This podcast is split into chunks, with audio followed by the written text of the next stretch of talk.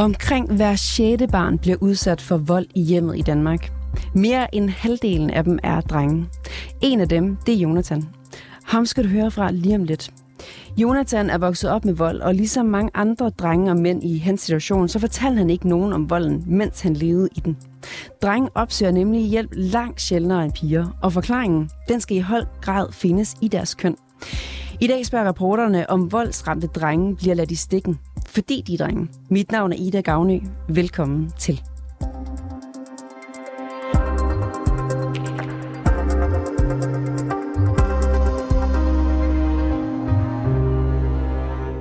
Jonathan kan ikke huske et eneste tidspunkt i sin barndom, hvor han ikke var bange for sin mor. For den mindste fejl kunne udløse vrede, vrede der resulterede i voldsomt skæld ud og også tæsk. Men selvom hverdagen var præget af frygt og vold, så sagde Jonathan aldrig noget til nogen om, hvad det var, der skete derhjemme. Og nu er du med os, Jonathan. Velkommen til. Tak for det. Vi kender til din fulde identitet, men her i programmet nu, der kalder vi dig bare Jonathan. Lad mig starte med at spørge dig, var du tryg i dit barndomshjem? Øhm, det kan jeg meget nemt øh, sige nej til, men jeg tror ikke, at jeg var opmærksom på, at jeg ikke var tryg i mit barndomshjem, fordi det var mit barndomshjem, mm. og det var ligesom det, jeg voksede op i, så jeg, jeg kendte ikke andet. Hvad skete der, når du gjorde noget forkert i din mors øjne? Jamen, det, det var jo et spil, jeg er vokset op i, øhm, og det var meget svært for mig at finde ud af overhovedet, hvad det var, og hvad der var at gøre forkert, og hvad der var at gøre rigtigt, fordi jeg havde følelsen af, at hvis hun ville have, at jeg skulle have gjort noget forkert, så skulle hun nok sørge for, at jeg gjorde det, øh, og det ville så resultere i, at hun øh, skældte mig ud, øh, kaldte mig skældsord, at hun brugte sætninger som, at øh, jeg pissede hende op og ned af ryggen, og at jeg overhovedet ikke var taknemmelig for, at hun var min mor. Og hvis jeg på en eller anden måde prøvede at melde mig ud af det her spil, eller udfordre hende på, hvad hun sagde, så øh, vil hun ty til at ligesom banke mig på plads. Banke dig på plads? Ja, lige nøjagtigt. Altså, det kunne være øh, alt fra en lussing til, at hun øh, slog og sparkede med knytnæver og kastede med kaffekopper. Øh, det var selvfølgelig mig, der skulle rydde det op, også bagefter, fordi det var jo mig, der havde gjort hende sur og havde fået hende til at kaste den kaffekop. Hvor ofte skete det her? Mm, jeg tror, at vi kørte nok i sådan to måneder og to uger system, hvor der var to måneder, hvor det var hårdt at være derhjemme, og så var der to uger, hvor jeg var Guds selve gave til menneskeheden, og jeg kunne ikke gøre en ting forkert, og så som lyn fra en klar himmel, så vil vi ligesom begynde på de næste to måneder, og jeg skal ikke sige, om det er præcis sådan, men det var den følelse, jeg tit havde, og noget, jeg har funderet over, da jeg boede derhjemme. Jamen, hvad er det, der er ved de her perioder, som gør, at det er ulideligt at være derhjemme? Og det ville det være, øh, hvis det ikke var fordi, at hun var væk fra 6 om morgenen til 6 om aftenen, i de perioder, hvor det var skidt. Jeg ved, at der var en episode, hvor du var omkring 4-5 år, hvor du havde kigget ned i en, i en julesok. Hvad var det, der skete der? ja, øhm, det er sjovt, for det er en af de ting, som jeg, jeg husker så tydeligt, øhm, selvom at jeg ikke var særlig gammel. Jeg glædede mig jo til, at julemanden kom og øh, gik ud til sokken. Jeg ved ikke, hvad klokken var, men jeg havde i hvert fald sovet lidt og var vågnet og kunne ikke styre mig. Så gik jeg ud og krassede det der staniol af hjørnet og kunne se, at jamen, jeg har faktisk fået det, jeg gerne ville have. Jeg var helt vild med cowboy-temaet, så det var en øh, bue. Øhm, og da min mor så opdagede mig i det, eller så hjørnet, der var krasset af næste dag, så øh, blev hun rasende og sagde til mig, at hvis jeg ikke kunne vente, så øh, fik jeg slet ikke nogen gaver, og så knækkede hun buen og smed den i skraldespanden. Så allerede da du starter i skole, så er psykisk vold og slag en del af at være dig? 100 procent. Øh, jeg skiftede skole til første klasse, og jeg kan huske den sommerferie op til, skulle vi øve os i at læse derhjemme og vi havde sådan en Thomas Tog-bog, og der var et ord, jeg kan ikke huske, hvad det var, som jeg ikke kunne læse, og der sad hun inde på mit værelse i, ja, hvad der føltes som en evighed, og nægtede at gå ud, før jeg læste det ord, øh, uden nogen hjælp. Øh, og der endte jeg så med ikke at kunne læse det, og så måtte jeg være på værelset uden aftensmad. Det her fortsatte det hele din skolegang? Ja, det gjorde det. Øh, det var faktisk tiltagende også, fordi at når den person, som min mor er, øh, og det spil, som hun kører, vil hun, vil hun gerne have magten over mennesker omkring sig. Øh, og det er langt nemmere at have magten over en 5- eller 8-årig dreng, end det er sådan en øh, hormonfyldt teenage-dreng på 13-14 år. Så øh, ja, det fortsatte helt indtil, at hun øh, smed mig ud. Hvordan håndterede du det at blive udsat for vold af din mor? Jamen, det... Øh, for det første var jeg slet ikke opmærksom på, at det var vold. Jeg, øh, jeg levede jo mit liv og troede, at jeg havde verdens bedste mor, og det, der var galt, det var min skyld. Øh, derudover så tror jeg, jeg gjorde meget brug af frirum rundt omkring, hvor man ikke skulle tænke på det. Øh, jeg havde venner over, indtil at øh, hun kom hjem. Så sendte jeg dem hjem også, inden hun kom hjem.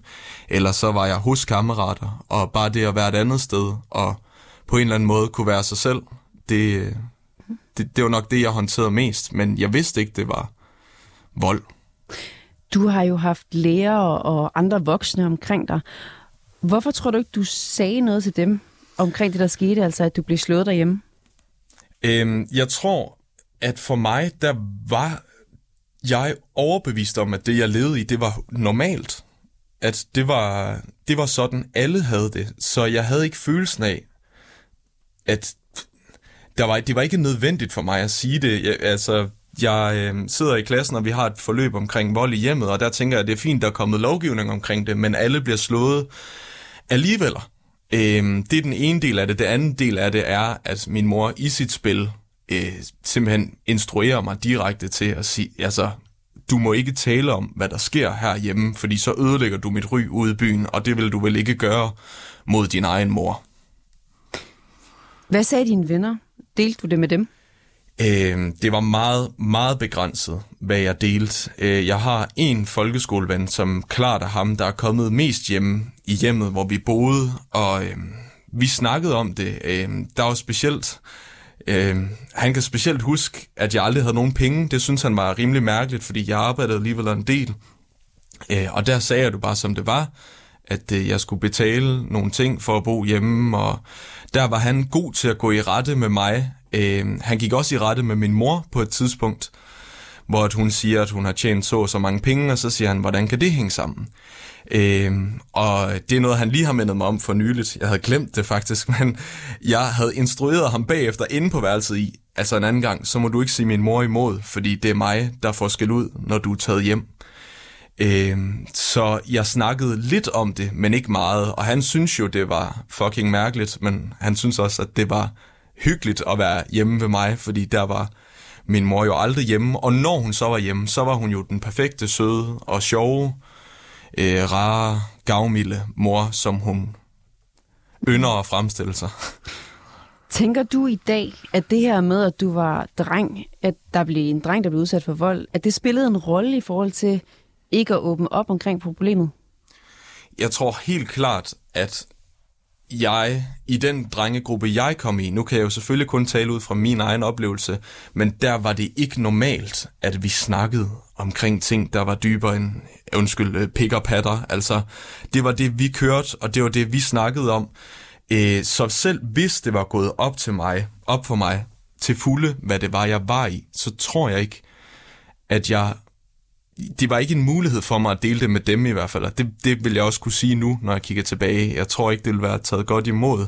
Øh, vi håndterede det lidt mere med humor, også i mine senere år, altså så laver man sjov med, haha, du, du bliver slået af din mor, og, og det kan jeg godt være i, og det er egentlig også noget, der er rart, men jeg tror, at i, i min oplevelse, at piger, de har nemmere at lære måske også tidligere at tale om de ting, der gør ondt. Øh, så det havde klart kunne være en hjælp, hvis jeg så først, jeg skulle selvfølgelig så først lige over det vejpunkt, der var, at det skulle gå op for mig, at det var helt sygt, det jeg voksede op i. Og hvornår, hvornår stødte du på det? Hvornår gik det op for dig, at det var helt sygt? Jeg, jeg tror, at det, det, der, er en, der er i hvert fald en skældsættende episode, da jeg er 17, da jeg har en samtale med, øh, med en person, der betyder rigtig meget for mig, som så går til mig og siger, øh, er det er det, som jeg tror, det er hjemme ved din mor. Øh, og det er der, det første gang går op for mig. Okay, øh, der, der er noget her, der, der ikke er okay. Og det resulterede så også i, at jeg trak mig mere og mere fra, jeg kunne simpelthen ikke holde ud at være derhjemme, men selv der søgte jeg ikke engang hjælp. Og øh, om det er fordi, jeg er dreng, mand, det ved jeg ikke, men jeg havde i hvert fald øh, følelsen af, at det her det var noget, jeg måtte bære selv. Og der går faktisk først halvandet to år. Øh, jeg rækker selvfølgelig ud til nogen i min privat, men halvandet to år før, at jeg søger professionel hjem. Og det er først for et par år siden, at det er gået op for mig, at jeg rent faktisk er voldsudsat. Og det her med, at der går mange år før, at du fortalte nogen, at du blev udsat for vold derhjemme. Det er du ikke enig om, for de nye tal viser nemlig, at drenge i langt lavere grad end piger fortæller, hvis de bliver udsat for vold derhjemme. Selvom voksne har øh, omkring en tredjedel, øh, selvom, selv som voksne så har omkring en tredjedel af mænd ikke fortalt nogen, at de blev udsat for vold i, i barndommen. Jonathan, tak fordi du var med og fortalte din historie. Selv tak.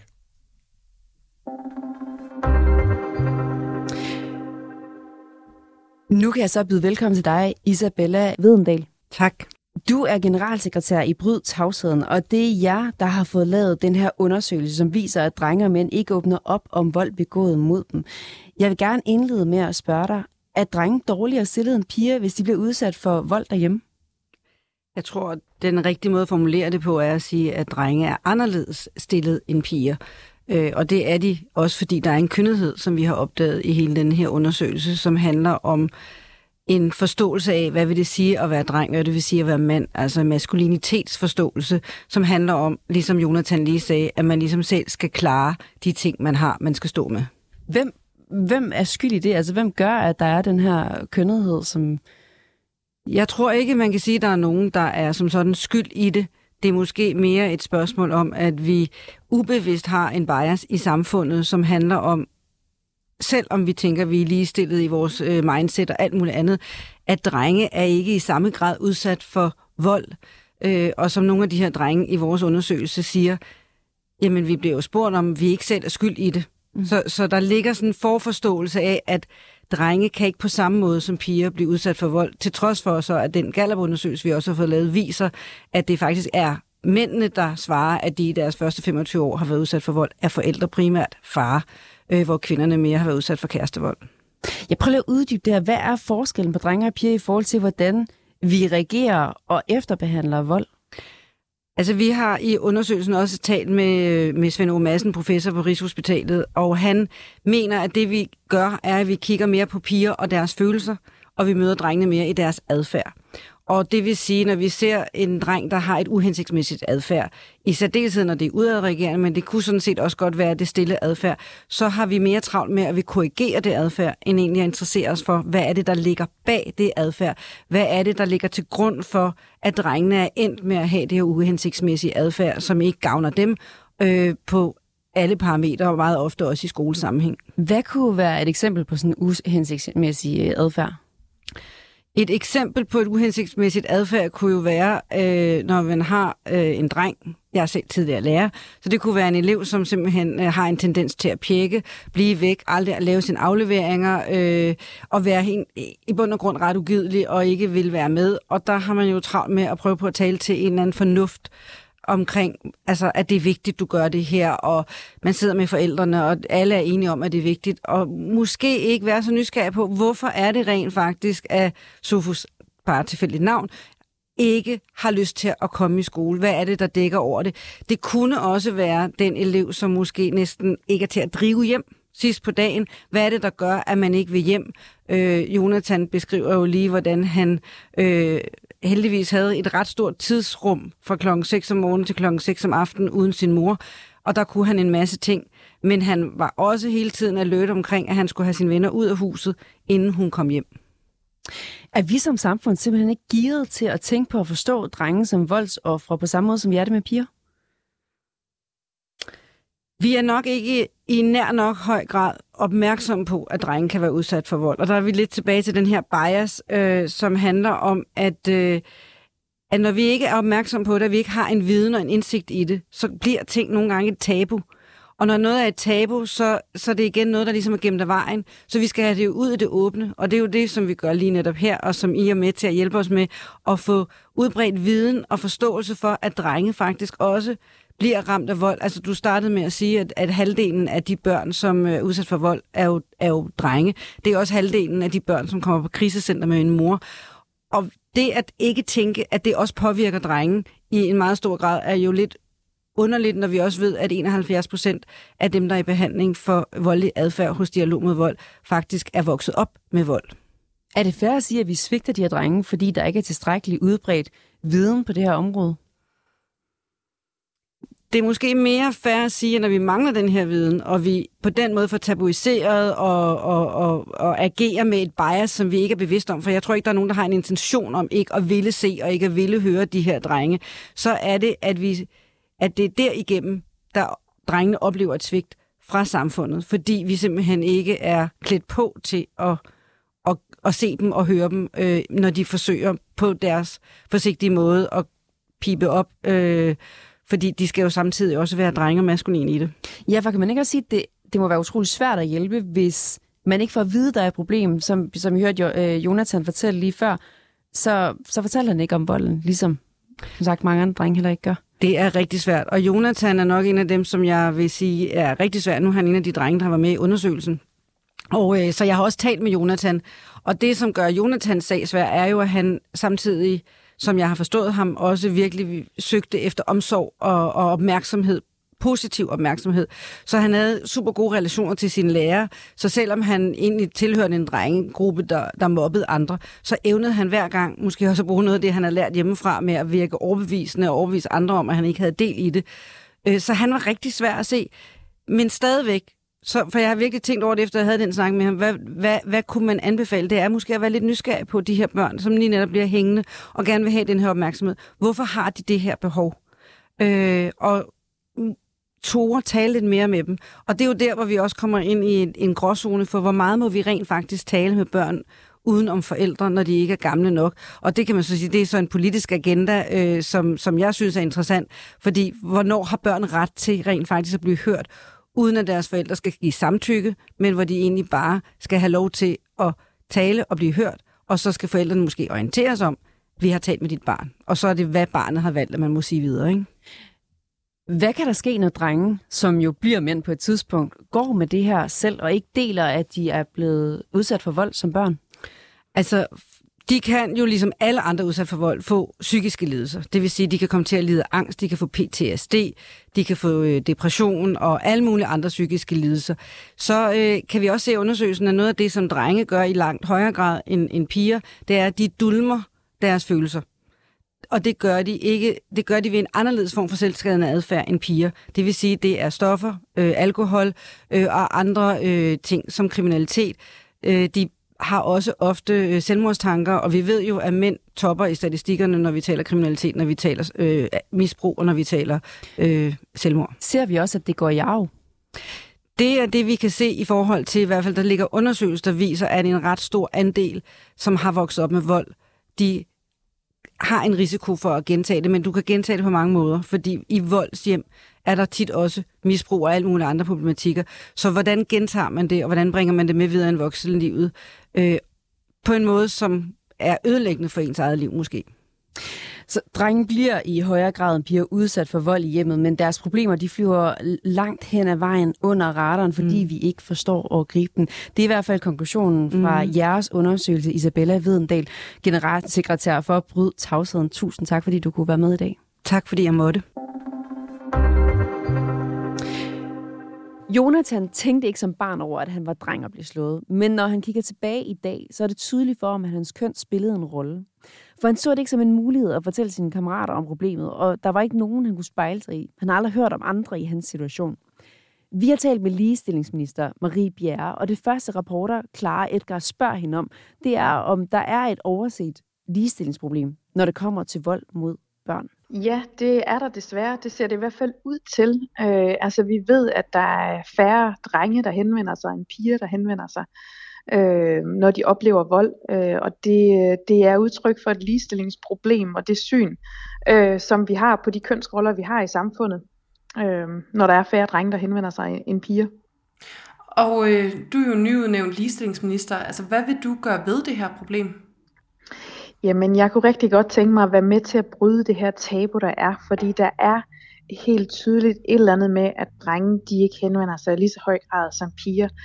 Øh, noget med det syn, vi har på mænd og drenge, at man skal være handlekraftig og sej og stærk, og, øh, og det er nærmest umændigt at sige fra. Øh, og det, den der, det indtryk vil jeg gerne være med til at forsøge at bryde, øh, så drenge også henvender sig, når de oplever vold. Det er rigtig, rigtig vigtigt, for ellers er det jo umuligt at få gjort noget ved. Kan du være mere specifik på, hvad, øh, hvad du vil gå i gang med at gøre?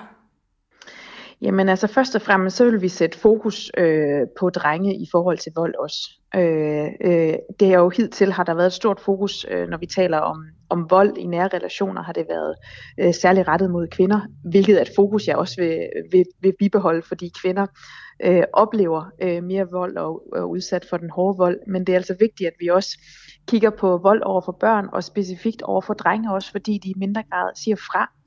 Øh, og helt konkret vil vi gerne undersøge muligheden for, hvad det er med initiativer, man kan tage på det her område, for at bryde de tabuer, der er. Det er jo selvfølgelig ikke, det er jo selvfølgelig ikke nemt, øh, men i første omgang, der handler det altså om at få sat fokus på det, og at tage problemstillingen alvorligt, og også at anerkende det som en ligestillingsudfordring. Og sætte fokus på, altså øh, hvordan tænker du, det kan se ud? Jamen det kan jo eksempelvis være ved at, øh, at deltage i sådan nogle type konferencer, som jeg gjorde i sidste, sidste uge øh, med, med Bryd Tavsheden øh, og den rapport, der er lavet i den forbindelse. Øh, det kan jo også være at undersøge, hvad er det for nogle, nogle initiativer, man kan sætte i gang, for netop at have fokus på det her område her. Øh, og det, det er sådan noget, jeg godt kunne tænke mig at gøre. Hvor højt op er det på din øh, prioriteringsliste at få gjort noget ved, ved den her problematik?